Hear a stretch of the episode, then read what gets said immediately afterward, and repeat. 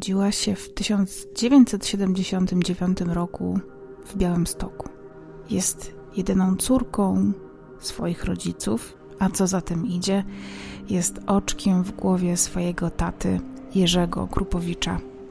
Marta, oprócz tego, że jest bardzo ambitną i przykładną uczennicą, to jest bardzo dobrym człowiekiem Nigdy nikomu nie robi krzywdy, jest bardzo wrażliwa na uczucia innych osób. Jest też silnie związana zarówno ze swoim ojcem, jak i mamą, a także rodziną, y, która jest też y, wokół, mm, cały czas gdzieś blisko. Marzeniem Marty jest pójście na prawo, skończenie tego kierunku i zrobienie aplikacji radcowskiej. W czasach, kiedy Marta podejmuje decyzję o tym, żeby pójść na prawo. Jest to kierunek bardzo pożądany, zresztą dzisiaj też tak jest, ale wówczas po takim boomie wszystkich marketingów i zarządzań.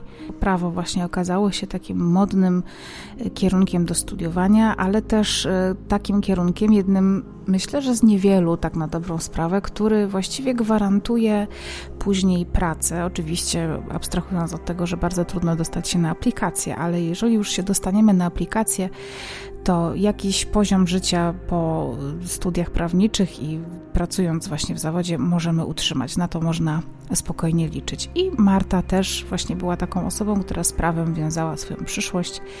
Było to też dla niej szalenie interesujące. Poza tym to trochę też wpisywało się w jej taką potrzebę pomagania ludziom. Wiadomo, że radca prawny właśnie jest takim najbardziej szerokim pojęciem, jeśli chodzi o usługi prawne i tak właśnie chciała y, kontynuować swoją karierę. W trakcie studiów dostała się na staż do jednej z białostockich kancelarii prawniczych, która należała do bardzo znanej rodziny T, która na swoim koncie miała bardzo długą y, historię związaną z prawem. Część członków rodziny T y, pracowała jako adwokaci, część jako sędziowie nawet. Y, także kilku członków rodziny było prokuratorami. Oczywiście nie było to tylko w samym Białymstoku, więc część osób wylądowała w innych miastach, między innymi na przykład w Lublinie. W kancelarii, którą wybrała Marta, pracował też Maciej T., jeden z członków rodziny T, syn właścicieli kancelarii, który zrobił na Marcie bardzo dobre wrażenie. Y, wydawał jej się takim bardzo kompetentnym, przebojowym, silnym i dominującym mężczyzną, co w zawodzie adwokata wydaje się wręcz cechą pożądaną. Marta na początku pracowała na stażu, więc y, wykonywała pomniejsze czynności. Nie wiem, czy tutaj użyję bardzo takiego oklepanego sformułowania y, jak parzenie kawy, więc nie wiem, czy Marta parzyła tę kawę. Podejrzewam, że zajmowała się na przykład jakąś archiwizacją albo właśnie y, no, wszystkim, czym się mogą zajmować stażyści lub jak to też wolą nazywać niektórzy wolontariusze w takiej kancelarii, czym się mogą zajmować, więc Marta się tym zajmowała, a następnie w tej kancelarii robiła aplikację. Tam się właśnie dostała na aplikację. Kiedy jej rola w e, kancelarii była już bardziej znacząca czy bardziej ugruntowana, Marta zaczęła też doceniać e, ludzi, z którymi pracuje. Już nie była tylko taką zwykłą, dochodzącą gdzieś tam od czasu do czasu wolontariuszką, tylko była normalną pracownicą. I to też pozwoliło Marcie na to, żeby nawiązać pewne relacje z ludźmi ze swojej pracy. I tak też jej uwaga e, skierowała się w kierunku Macieja, e, starszego od niej o kilka lat mężczyzny, z którym kobieta bardzo dobrze początkowo się dogadywała. W przeciwieństwie do Marty, Maciej oprócz życia zawodowego prowadził też nawet takie, powiedziałabym, aktywne życie towarzyskie. Po pierwsze, był po rozwodzie, miał już żonę. Niestety małżeństwo się nie udało, w związku z tym Maciej wrócił na rynek i też poszukiwał e, swojej partnerki. Robił to bardzo często, wychodząc do różnych klubów, restauracji. E, był też znany właśnie z tego, że no, lubował się w takim życiu towarzyskim, nocnym, powiedziałabym imprezował, e, korzystał z życia, był bardzo takim aktywnym mężczyzną, co prawie 30-letniej Marcie która nieco rozprężyła się w, podczas tej aplikacji, e, no imponowało, ponieważ do tej pory była skoncentrowana na osiąganiu swoich celów, na e, tym, żeby budować swoją ścieżkę kariery, bo zależało jej na tym, żeby być niezależną od wszystkich kobietą. W związku z tym zaczęła z Maciejem spędzać więcej czasu. Co więcej, Maciej, mimo swojego młodego wieku, był już współwłaścicielem kancelarii, co na wielu płaszczyznach czyniło z niego naprawdę pożądanego mężczyznę, cieszącego się olbrzymim powodzeniem. Marta zdawała się nie zwracać uwagi na to, e, w, jakiej, e, w jakim otoczeniu Maciej wzrasta, jak bardzo jest gdzieś tam powiązany z, z wpływowymi w Białymstoku ludźmi, jak bardzo jest życiowo już osadzony i ułożony. E, jej przede wszystkim imponowało to, jakim Maciej jest człowiekiem. Bystrym, inteligentnym, z poczuciem humoru, nuda nigdy nie groziła w jego towarzystwie. I nie trudno się domyślić, że po kilku miesiącach takiej bliższej współpracy serce Marty zaczęło coraz bardziej e, i mocniej bić właśnie dla Macieja. Maciej nie był obojętny na względy Marty, też cieszył się tym, ponieważ Marta była bardzo atrakcyjną kobietą, szczupłą, zadbaną, e, blondynką, no, która też na pewno wzbudzała e, gdzieś tam, e, może nie zazdrość, ale zainteresowanie wśród mężczyzn. W związku z tym kwestią czasu było to, żeby drogi i myśli tych obojga młodych ludzi połączyły się w jedno. Marta i Maciej zaczęli się ze sobą spotykać. Ich związek był świeży, e, był taką osobą, która bardzo pokazywała Marcie życie. Z kolei Marta była taką osobą, która wnosiła do tego związku e, więcej takiej mm, łagodności kobiecej. I wszystko właściwie układało się świetnie. No, co prawda, Maciej miał na swoim koncie już y, y, małżeństwo nieudane, no ale umówmy się, jest to dopuszczalne, ludzie popełniają różne w życiu błędy. Y, był rozwiedziony z żoną, więc miał czyste konto, więc Marcie w żaden sposób to nie przeszkadzało. Kiedy zaczęła już y, w Macieju się tak mocno zakochiwać i wiązać z nim przyszłość, na ich związek padł bardzo długi i mroczny cień, chociaż ja w sumie mogłabym to nazwać głazem. Marta bowiem, spędzając mnóstwo czasu z Maciejem, nie tylko popołudniami, wieczorami, weekendami, ale przede wszystkim w pracy, była absolutnie przekonana, że wie o swoim mężczyźnie wszystko. A na pewno była pewna tego, że wie o nim tyle, że jest jedyną kobietą w jego życiu.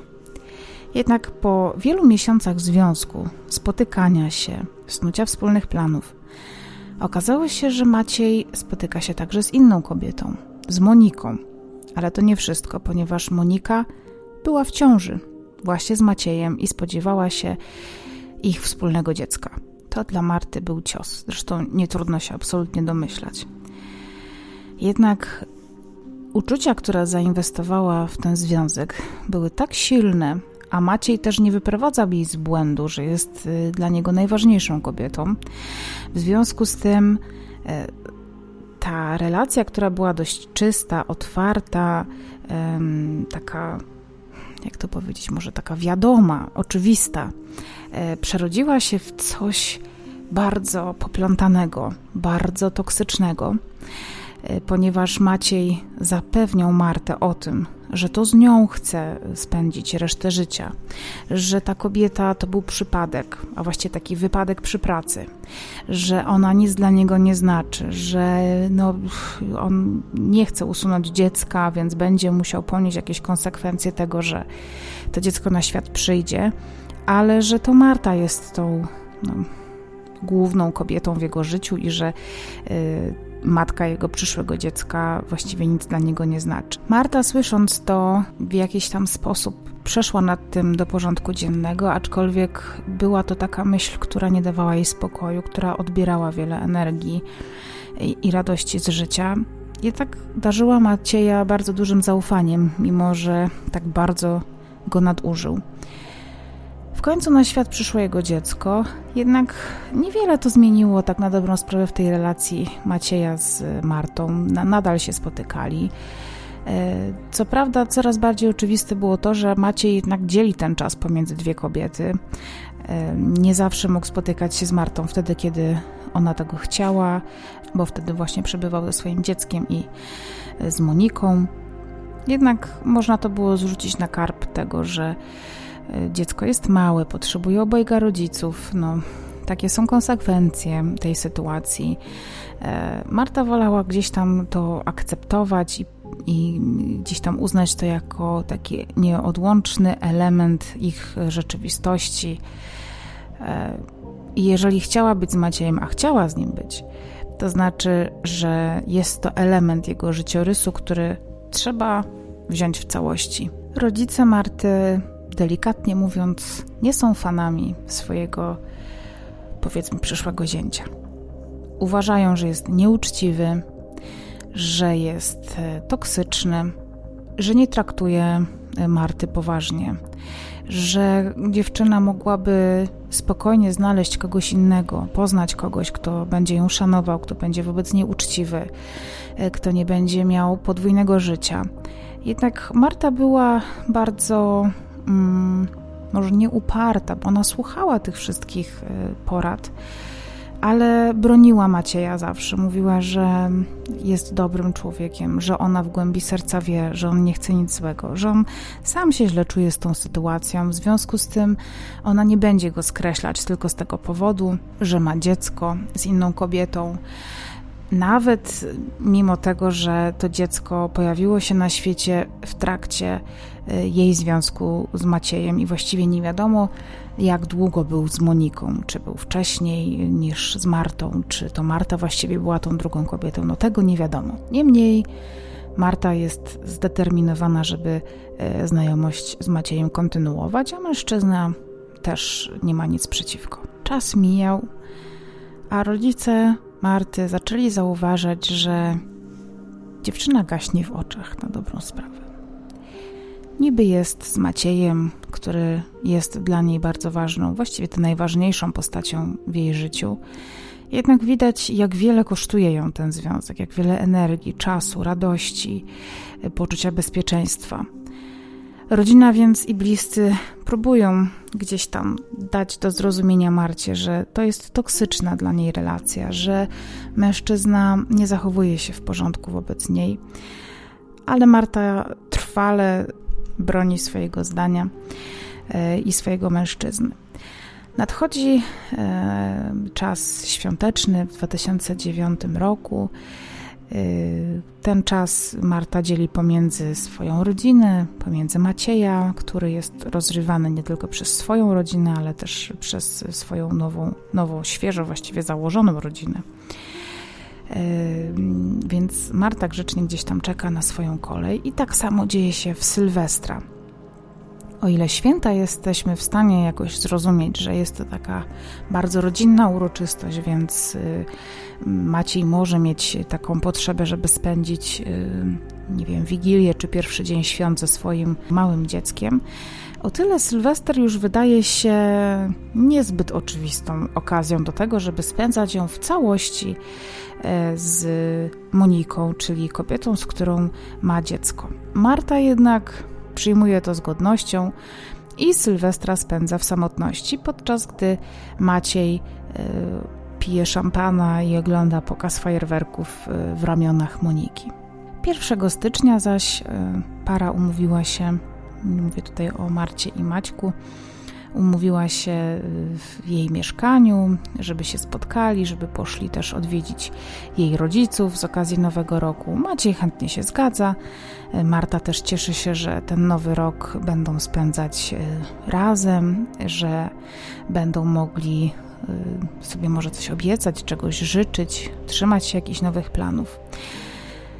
Kiedy spotykają się, spędzają miło czas, potem idą do rodziców Marty i właśnie tam Maciej mówi, że planuje z Martą przyszłość i że ślub e, z córką e, państwa Krupowiczów jest właściwie kwestią czasu i jest wielkim pragnieniem młodego prawnika.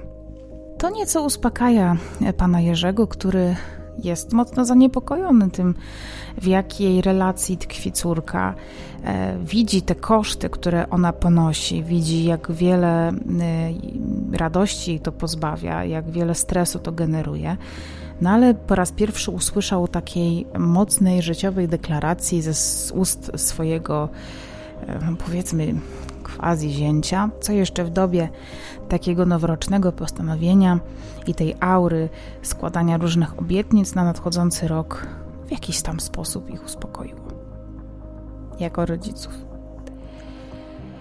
Wkrótce Marta i Maciej wychodzą z mieszkania e, państwa Krupowiczów i w przedpokoju dochodzi do takiej bardzo mm, może nie, nie nienaturalnej, ale takiej nad wyraz e, znaczącej sytuacji, w której Marta już wychodząc cofa się e, od drzwi, zwraca się do swojego taty i mówi mu: Tatku, czy ty wiesz, że ja cię kocham ponad życie?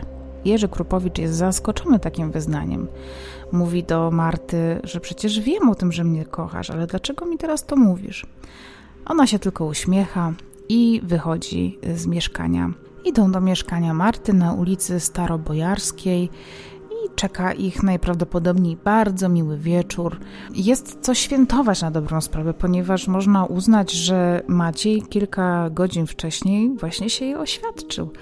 I jeszcze w towarzystwie jej rodziców, więc nabrało to wszystko jakiejś takiej mocy i takiej powiedzmy wykonalności nawet, już trzymając się prawniczego języka. Oczywiście mam nadzieję, że teraz nie palnęłam jakiejś gafy. O drugiej w nocy, właściwie kilka minut przed drugą w nocy, o jakiejś pierwszej 50 chyba 4, mm, na pogotowie dzwoni mężczyzna. Słychać, że jest e, pijany i mówi dyspozytorce dokładnie takie słowa: Mam w mieszkaniu martwą kobietę. Pogotowie pyta, co się dzieje. Mężczyzna mówi, że nie wie, że uprawiał z kobietą seks e, i bawili się może zbyt ostro i w pewnym momencie zorientował się, że kobieta leży sina i żeby przyjechali, bo on nie wie, jak ją ma e, reanimować. W związku z czym kilka minut po drugiej pogotowie przyjeżdża na ulicę Starobojarską do mieszkania Marty Krupowicz, która naga leży w mieszkaniu i nie daje oznak życia. Jest oczywiste, że kobieta nie żyje. Ale ta sytuacja bardzo jest taka niepokojąca, ponieważ niewiele wskazuje na to, że kobieta mogłaby umrzeć przez przypadek podczas e, jakiegoś może mało fortunnego seksualnego aktu, e, ponieważ e, na jej ciele widać mnóstwo siniaków, w całym mieszkaniu widać, e, że doszło do jakiejś potężnej szamotaniny, ponieważ są porozrzucane meble, e, kwiatki wyrzucone z doniczek, e, wszystko jest poprzesuwane. No co prawda pogotowie, które przyjeżdża na miejsce, nie wie w jakim układzie zazwyczaj stoją meble, ale widać na przykład, nie wiem, gdzieś porozsuwane fotele w bardzo dziwnych miejscach, porozrzucane krzesła, e, właśnie te kwiaty, które gdzieś leżą w jakichś dziwnych miejscach, wszędzie jest jakaś ziemia z doniczek. E, no i kobieta wygląda na mocno pobitą, więc nawet jeżeli mielibyśmy tutaj mówić o jakichś praktykach e, seksualnych, nawet sadomaso, to tak na pierwszy rzut oka nie wydaje nam się chyba, że ktoś po takich praktykach wychodzi e, pobity, jakby został napadnięty na ulicy. Pogotowie bardzo szybko wzywa policję, e, która pojawia się właściwie od razu i na miejscu w mieszkaniu przede wszystkim przyglądają się nie, nie tylko samej Marcie, ale też e, zwracają uwagę na Macieja, który oprócz tego, że jest pijany, e, to zachowuje taki nawet względny spokój. Na pewno na tyle dziwny, e, że jeżeli doszło właśnie do nieszczęśliwego wypadku, w wyniku którego umiera jego ukochana, no to chyba każdy z nas byłby w jakimś może szoku a on się nie zachowywał jak zszokowany tym wydarzeniem człowiek. Co więcej, na jego twarzy było bardzo dużo zadrapań, skrzepów krwi, sińców również. Wyglądało to tak, jakby brał udział w bójce. Co więcej, pogotowie, które przybyło na miejsce, stwierdziło, że kobieta nie żyje już od kilkudziesięciu minut, ponieważ e, jej temperatura ciała zdążyła się już znacznie obniżyć, co sprawia na funkcjonariuszach i na mm, lekarzach przybyłych na miejsce bardzo niepokojące wrażenie, że mężczyzna wezwał pogotowie, ale mm, nie od razu, tylko odczekał całkiem sporą chwilę. W związku z tym wokół jego osoby narosło mnóstwo wątpliwości. Policjanci na dobrą sprawę nabierają od razu przekonania, że nie doszło do żadnego nieszczęśliwego wypadku, tylko kobieta została skatowana, została wobec niej użyta bardzo duża przemoc yy, i siła. E, i że stoi za tym nikt inny jak jej partner. Jedyne, co mogłoby wskazywać na to, że mężczyzna mówi prawdę e, i że doszło do e, stosunku seksualnego, w wyniku którego kobieta nieszczęśliwie zmarła, było to, że Marta Krupowicz leżała nago w swoim mieszkaniu. I to było właściwie wszystko. Rodzice Marty, kiedy dowiadują się o tym, że ich córka nie żyje, wpadają w rozpacz, po prostu w rozpacz. W odcinku takiego magazynu dokumentalnego czy reporterskiego pod tytułem Prawdziwe życie. E, ojciec Marty e, mówi o tym, w jak wielkim szoku był, kiedy dowiedział się, że jego córka nie żyje. Właściwie dotarło to do niego dopiero po kilkunastu godzinach. Natomiast ciotka Marty, która wypowiada się, bo prawdopodobnie matka Marty nie miała siły na to, żeby usiąść przed kamerami i opowiedzieć o tej tragedii powiedziała, że pani Krupowicz pękło serce, po prostu zostało nieodwracalnie rozerwane i zniszczone. E, to też sprawia, że rodzina przeżywa tragedię e, w jakimś takim osamotnieniu też trochę, ponieważ e, nie trudno się domyślić, że w momencie, w którym podejrzane o zabójstwo, jeszcze z no, takim powiedzmy nawet można powiedzieć, że okrucieństwem, e, jest właściciel kancelarii, świetnie prosperującej w Białymstoku, e, spowinowacony i spokrewniony z wieloma bardzo wpływowymi osobami w sądach, prokuraturze, e, jakichś izbach adwokackich, to że to nie będzie łatwa batalia i że nie będzie łatwo doprowadzić do sprawiedliwego wyroku. Najpierw jednak musi dojść do postawienia jakiegokolwiek zarzutu. W związku z tym Maciej zostaje zatrzymany jako podejrzany o dokonanie zabójstwa. E, jego linia obrony jest bardzo prosta: praktyka seksualna, która poszła źle. Natomiast e, bardzo szybko jego linia obrony zostaje podważana, ponieważ dochodzi do sekcji zwłok, w trakcie której okazuje się, że e, Marta Krupowicz tamtej nocy nie odbyła żadnego stosunku seksualnego. E, żadnego. W związku z czym wersja o seksie z podduszaniem e, jest nieprawdziwa. Tutaj adwokaci Macieja zaczynają bardzo prężnie działać i próbują udowodnić za wszelką cenę, że jest inaczej, że Marta preferowała właśnie takie, a nie inne praktyki seksualne, o czym nikt z bliskich, no wiadomo, że, że zazwyczaj nasi bliscy nie wiedzą, co lubimy w łóżku, ale powiedzmy, że mogą wiedzieć to nasze przyjaciółki, nasze koleżanki, nasi koledzy. Zawsze coś tam mogą o nas wiedzieć takiego. Tutaj żadna wersja się nie potwierdzała. Maciej z kolei twierdzi, że Marta uwielbiała bardzo mocny, przemocowy seks, szczególnie po alkoholu, e, a oni tego wieczora pili.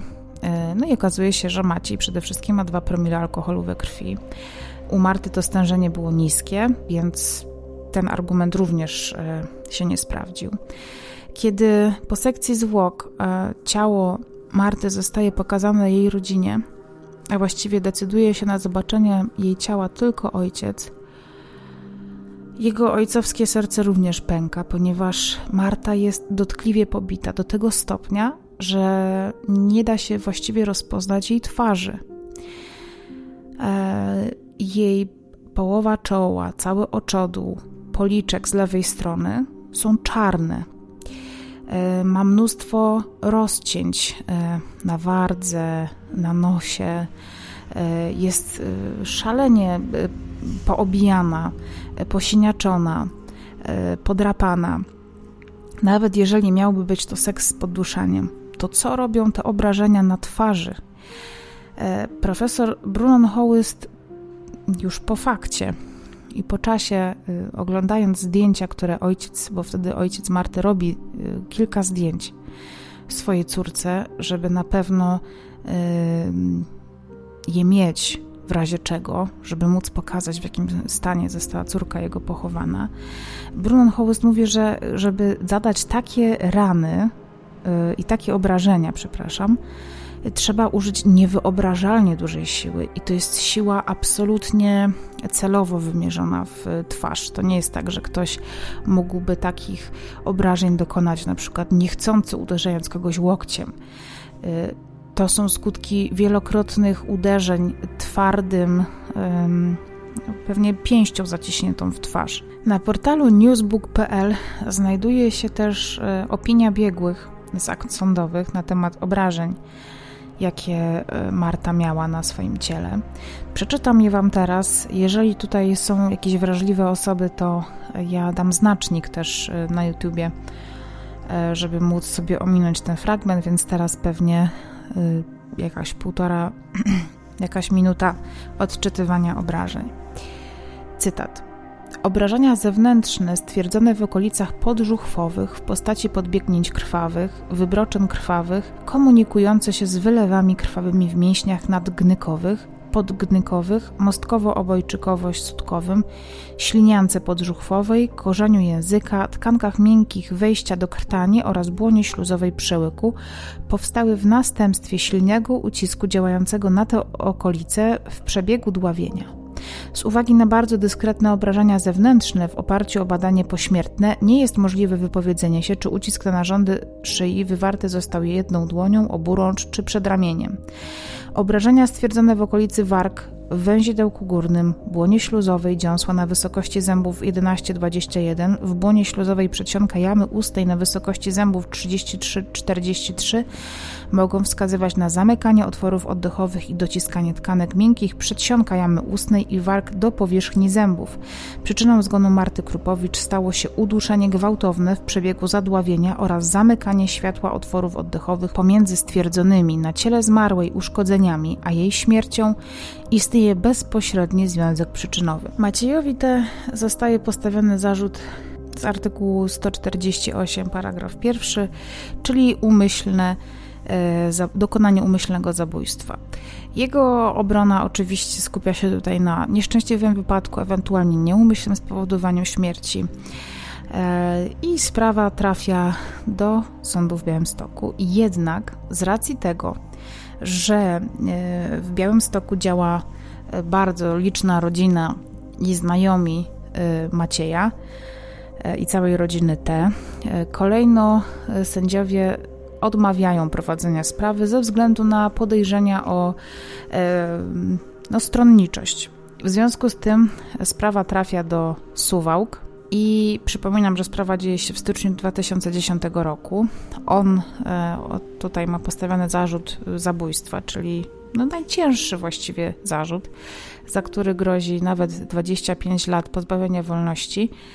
E, tymczasem w marcu 2011 roku Maciej T. wychodzi sobie na wolność, ponieważ y, uznano, że jest w stanie odpowiadać y, z wolnej stopy, że y, podejrzenie, że będzie na przykład chciał uciec, czy mataczyć, czy zastraszać świadków w tej sprawie. Ta decyzja szokuje wszystkich, ponieważ nie zdarza się, żeby ktoś podejrzany o zabójstwo wychodził na wolność w trakcie trwania postępowania. To jest po prostu niedopuszczalne. Co więcej, to też jest taka kwestia, że właściwie tutaj jeszcze, no mówię tak teoretycznie, w sytuacji, w której siła tych zarzutów i dowodów um, zbieranych przeciwko Maciejowi te e, byłaby bardzo słaba i właściwie na dwoje babka wróżyła. Ale tutaj praktycznie nie było żadnych przesłanek, które mogłyby świadczyć o niewinności tego człowieka. W związku z tym ta decyzja o zwolnieniu go z aresztu szokuje, no i właściwie daje do zrozumienia wszystkim e, ze strony oskarżenia, że to nie będzie łatwa sprawa, że tutaj będą grały rolę mm, wpływy, koneksje e, i bardzo szybko rodzina Marty e, Krupowicz się o tym przekonuje. Kiedy Maciej wychodzi na wolność, e, czy na wolność, no, wychodzi z aresztu, wraca do swoich nawyków. Co prawda nie może pracować, ponieważ zostaje zawieszony w prawach adwokata, nie może wykonywać swojego zawodu.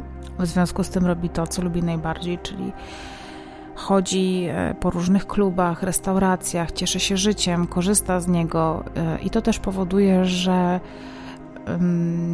no, buduje się takie wrażenie, że on właściwie w ogóle nie jest tą sytuacją przejęty, że właściwie jest pewien, że mu nic nie grozi. No, Któż z nas by się zachowywał w taki sposób, nawet mając gdzieś tam z tyłu głowy świadomość, że mogę trafić na e, na przykład od 8 do 25 lat więzienia, bo tyle groziło mu z tytułu aktu oskarżenia. Obrona Macieja te zaczęła skupiać się na tym, że on po prostu był bardzo dobrym człowiekiem, że to wszystko był wypadek seksualny, znaczy wypadek seksualny, no wypadek podczas seksu. I tutaj na jego korzyść e, miałaby działać ta sytuacja, że on wezwał pogotowie. To znaczy, że on nie godził się na śmierć e, swojej partnerki i że przeraził się jej stanem. Jednak e, no, bardzo szybko okazało się, że to nie jest tak, że Marta przestała oddychać i Maciej od razu chwytał za telefon, ponieważ okazuje się z billingów zdobytych przez prokuraturę, że od momentu, w którym najprawdopodobniej Marta straciła życie, do momentu wezwania pogotowia minęło prawie 50 minut i w tym czasie mężczyzna dzwonił do kolegi, dzwonił po taksówkę, wydzwaniał sobie do różnych e, innych osób, e, krzątał się po mieszkaniu, więc e, wychodzi na to, że szykował sobie alibi, może czekał, aż kobieta na pewno umrze i będzie właściwie czysty. W związku z tym e, ta linia obrony, która miałaby Macieja usprawiedliwić, ponieważ też tutaj jest taka ciekawostka, on w swojej karierze adwokackiej miał do czynienia ze sprawą podobną, właśnie w której mm, kobieta została ofiarą e, jakiegoś tam właśnie nieumyślnego wypadku podczas takiego bardziej brutalnego seksu i na korzyść e, mężczyzny, który dopuścił się, e, znaczy może nie dopuścił się, ale doprowadził do tego wypadku, właśnie działało to, że tuż po takim niefortunnym seksie, w, trakcie którego kobieta przestała oddychać, on od razu wezwał pogotowie, został oczyszczony z zarzutu um, umyślnego spowodowania śmierci. Um, dostał chyba jakiś wyrok w zawieszeniu. W związku z tym Maciej postanowił, że będzie w ten sam sposób kontynuował i prowadził swoją obronę. Zresztą jego obrońcy e, przystali na taki pomysł i kiedy sprawa trafiła już na salę sądową, właściwie był to taki obyczajowy mm, szok, ponieważ Marta, która była taką naprawdę spokojną, ułożoną kobietą e, bardzo dbającą o swoich bliskich, o swoją karierę, o swój wizerunek też, nagle została przedstawiona jako seksualna bestia, która na swoim partnerze wymuszała takie brutalne praktyki seksualne, no w wyniku których po prostu zmarła. Słysząc to, rodzina Marty Krupowicz postanowiła e, wystąpić o, do sądu z prośbą o utajnienie procesu żeby toczył się z zamkniętymi drzwiami, ze względu właśnie na to, że y, najprawdopodobniej celem tych wszystkich e, spraw będzie mm, przedstawienie ich córki w jak najgorszym świetle. Niestety e, sąd się na to zgadza, co początkowo rodzinę cieszy. Jednak potem pan Jerzy Krupowicz twierdzi, że to był największy błąd, jaki mogli popełnić, ponieważ kiedy wszystko toczyło się z zamkniętymi drzwiami, to nie można było o niczym informować prasy. A bardzo szybko się okazało, że ten e, proces absolutnie nie ma szans na to, żeby był e, sprawiedliwy.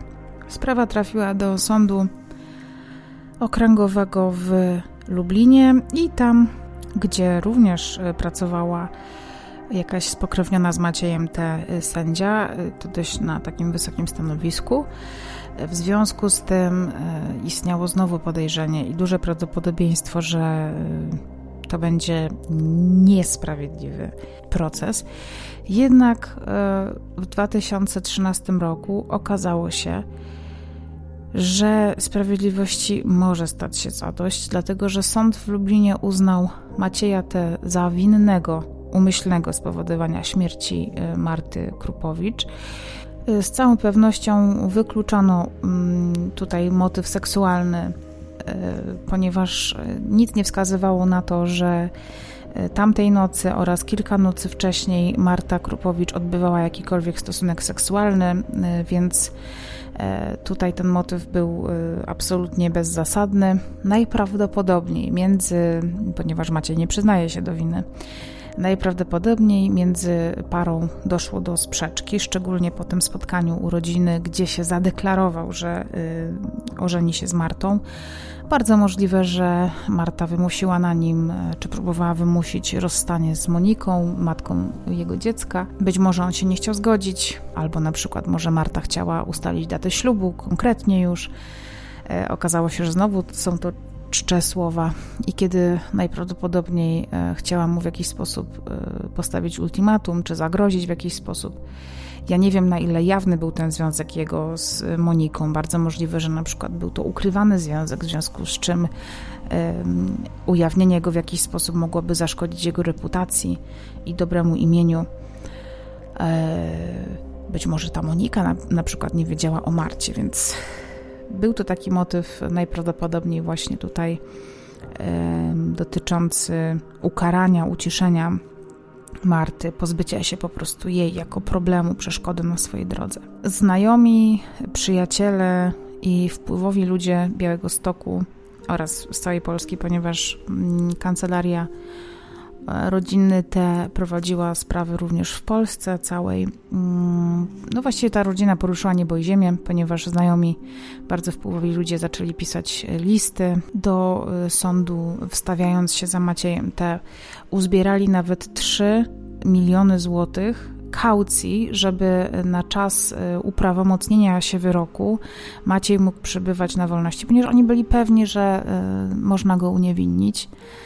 Na szczęście sąd oddalił E, wszystkie wnioski. Maciej przebywał w areszcie. Rodzinę Marty Krupowicz bardzo martwiło to, że sąd w Lublinie, który zadecydował o zwolnieniu mężczyzny z aresztu, potem miał odpowiadać za apelację do wyroku, który złożyła oczywiście obrona. No, rodzina była absolutnie przerażona, że ten sąd apelacyjny, w którym zasiada właśnie ciotka Macieja, może ten wyrok y, na przykład uznać za nieważny i nie wiem, skierować sprawę do ponownego rozpatrzenia. W związku z tym rodzina żyła w olbrzymim stresie. Na szczęście okazało się, że sprawiedliwość e, tutaj zwyciężyła i w marcu 2015 roku, czyli 5 lat temu, sąd apelacyjny w Lublinie utrzymał wyrok skazujący i zasądził E, wobec Macieja karę 25 lat, czyli najwyższy możliwy wyrok e, z tego artykułu, z którego on odpowiadał, e, pozbawienia wolności. Wyrok już jest prawomocny, więc od kilku lat Maciej T. przebywa w więzieniu, zostając uznanym odpowiedzialnym za zabójstwo 31-letniej Marty Krupowicz. Dlaczego Wam opowiadam tę historię? Jest ona rozwiązana E, nie było tu jakichś takich gigantycznych tajemnic, ale jest to taka sprawa, w której na pierwszy rzut oka wybija się przemoc, która wobec Marty Krupowicz była stosowana. Niestety, z racji tego, że ten proces cały odbywał się za zamkniętymi drzwiami, więc nie mamy bardzo e, wielu informacji i pewnie nigdy nie będziemy mogli ich poznać, bo akta raczej nie zostaną tej sprawy odtajnione. Poza tym, nawet jak już rodzina, to też taki tutaj yy, wtręt, nawet gdy rodzina Marty Krupowicz starała się yy, o to, żeby tę sprawę odtajnić, to sąd e, właśnie ten, w którym pracowała spora część rodziny Macieja T, mówił i zasłaniał się dobrem ofiary że nie chcę y, szargać jej dobrego imienia, ponieważ w tej sprawie występuje mnóstwo takich obyczajowych e, kwestii związanych ze sferą seksualną, więc oni nie chcą, żeby tutaj to szkodziło ofierze. Przy czym rodzina wiedziała już, jaki jest cel tego utajnienia, żeby jak najszybciej móc ewentualnie nagłośnić w mediach te mm, wszystkie koneksje, które mogą tę sprawę hamować i utrudniać. Ta sprawa też pokazuje, że właściwie przemoc domowa nie ma absolutnie żadnych granic i ona może spotkać nie tylko ludzi z marginesu społecznego. Nie lubię tego sformułowania, ale będę teraz skrótowo tutaj używać, że to nie jest tylko kwestia jakiejś patologii na jakimś opuszczonym przez Boga osiedlu ale to jest kwestia wysokich sfer, wyższych sfer, e, ludzi zamożnych, ludzi wpływowych. E, I właśnie też dlatego ona mnie tak bardzo uderzyła, ponieważ e, wiele wskazuje na to, że wobec Marty Krupowicz była stosowana stale przemoc psychiczna, która finalnie przerodziła się w przemoc fizyczną, w wyniku której straciła swoje życie. I właśnie tą sprawą chciałam Wam zwrócić uwagę na problem przemocy domowej, e, przemocy seksualnej, psychicznej, ekonomicznej, mm, oczywiście też fizycznej. Jest to problem bardzo powszechny, bardzo złożony i wymagający naszej uważności i wsparcia. Myślę, że wiele z nas może zostać, mówię tutaj o kobietach, ale też o mężczyznach. Mężczyźni też padają ofiarą przemocy domowej i nie ma w tym absolutnie e, żadnego powodu do wstydu czy do jakiegoś e, deprecjonowania swojej własnej, e, swojego poczucia własnej wartości. E, natomiast warto mieć w głowie kilka takich prostych wskazówek, co zrobić, kiedy sami stajemy się ofiarami przemocy domowej albo kiedy tę przemoc domową e, widzimy w swoim otoczeniu. I właśnie z tego względu e, i z myślą o ofiarach e, przemocy domowej e, powstał nowy serial dokumentalny na Crime Investigation Polsat, który nazywa się Niewidzialne Stop Przemocy, e, którego prowadzącą będzie Katarzyna Grochola, e, pisarka świetnie Wam pewnie znana, która sama w swoim życiu doświadczyła przemocy domowej i teraz chce o tym problemie mówić i rozmawiać z ofiarami, a właściwie to z ocalałymi e, z takich przemocowych związków i relacji e, kobietami. Premiera tego serialu będzie miała miejsce 9 października o 22 na Crime Investigation Polsat. Jednak e, ja już Was dzisiaj zapraszam, też 9 października o godzinie 20 na moją rozmowę z Katarzyną Grocholą, którą przeprowadziłam e, kilka dni temu i w której rozmawiam z Katarzyną właśnie o doświadczeniu przemocy domowej, o jej własnym doświadczeniu, o tym, jak wyjść z takiego związku, o tym, co my możemy zrobić jako społeczeństwo, żeby pomóc ofiarom przemocy, e, czy oceniać, czy wspierać. To wszystko znajdzie się w tej niezwykle e, emocjonalnej, moim zdaniem, rozmowie i serdecznie Was na nią zapraszam. Ona się e, ukaże 9 e, października, jeszcze raz powtarzam, o godzinie 20 e, na fanpage'u Crime Investigation Polsat. Pewnie też będzie na moim YouTubie, tak jak ostatnio rozmowa z braćmi Sekielskimi. I zapraszam Was serdecznie do obejrzenia tej rozmowy, do wysłuchania jej. W trakcie tej rozmowy też będziecie mogli ze mną porozmawiać na żywo, ponieważ ona będzie się odbywała E, jako transmisja live, więc serdecznie Was do tego zachęcam e, i zachęcam Was też przede wszystkim do tego, żebyście byli uważni na to, co się dzieje wokół Was. Szkoda, że w tej sytuacji z Martą Krupowicz tak wydaje się, że niewiele mógłby ktokolwiek zrobić. Przecież gdyby jej rodzice wiedzieli o tym, że mężczyzna jest dla niej wręcz niebezpieczny, na pewno nigdy nie wypuściliby jej z tego mieszkania 1 stycznia. Więc czasami nie możemy zareagować zawczasu. Ale my, jako osoby, jako potencjalne ofiary, możemy dowiedzieć się o tym, jakie zachowania e, bywają niebezpieczne albo mogą implikować, że coś złego może się stać w takiej relacji i że możemy sami stać się ofiarami. Ten odcinek z ciężkim sercem kończę bardzo wyraźnym apelem, żebyście byli bezpieczni, żebyście dbali o siebie, żebyście uważali na siebie i na wszystkich ludzi, którzy są Wam bliscy. Rozmawiajcie, troszczcie się o siebie nawzajem i nie bójcie się mówić przemocy stop. Do usłyszenia.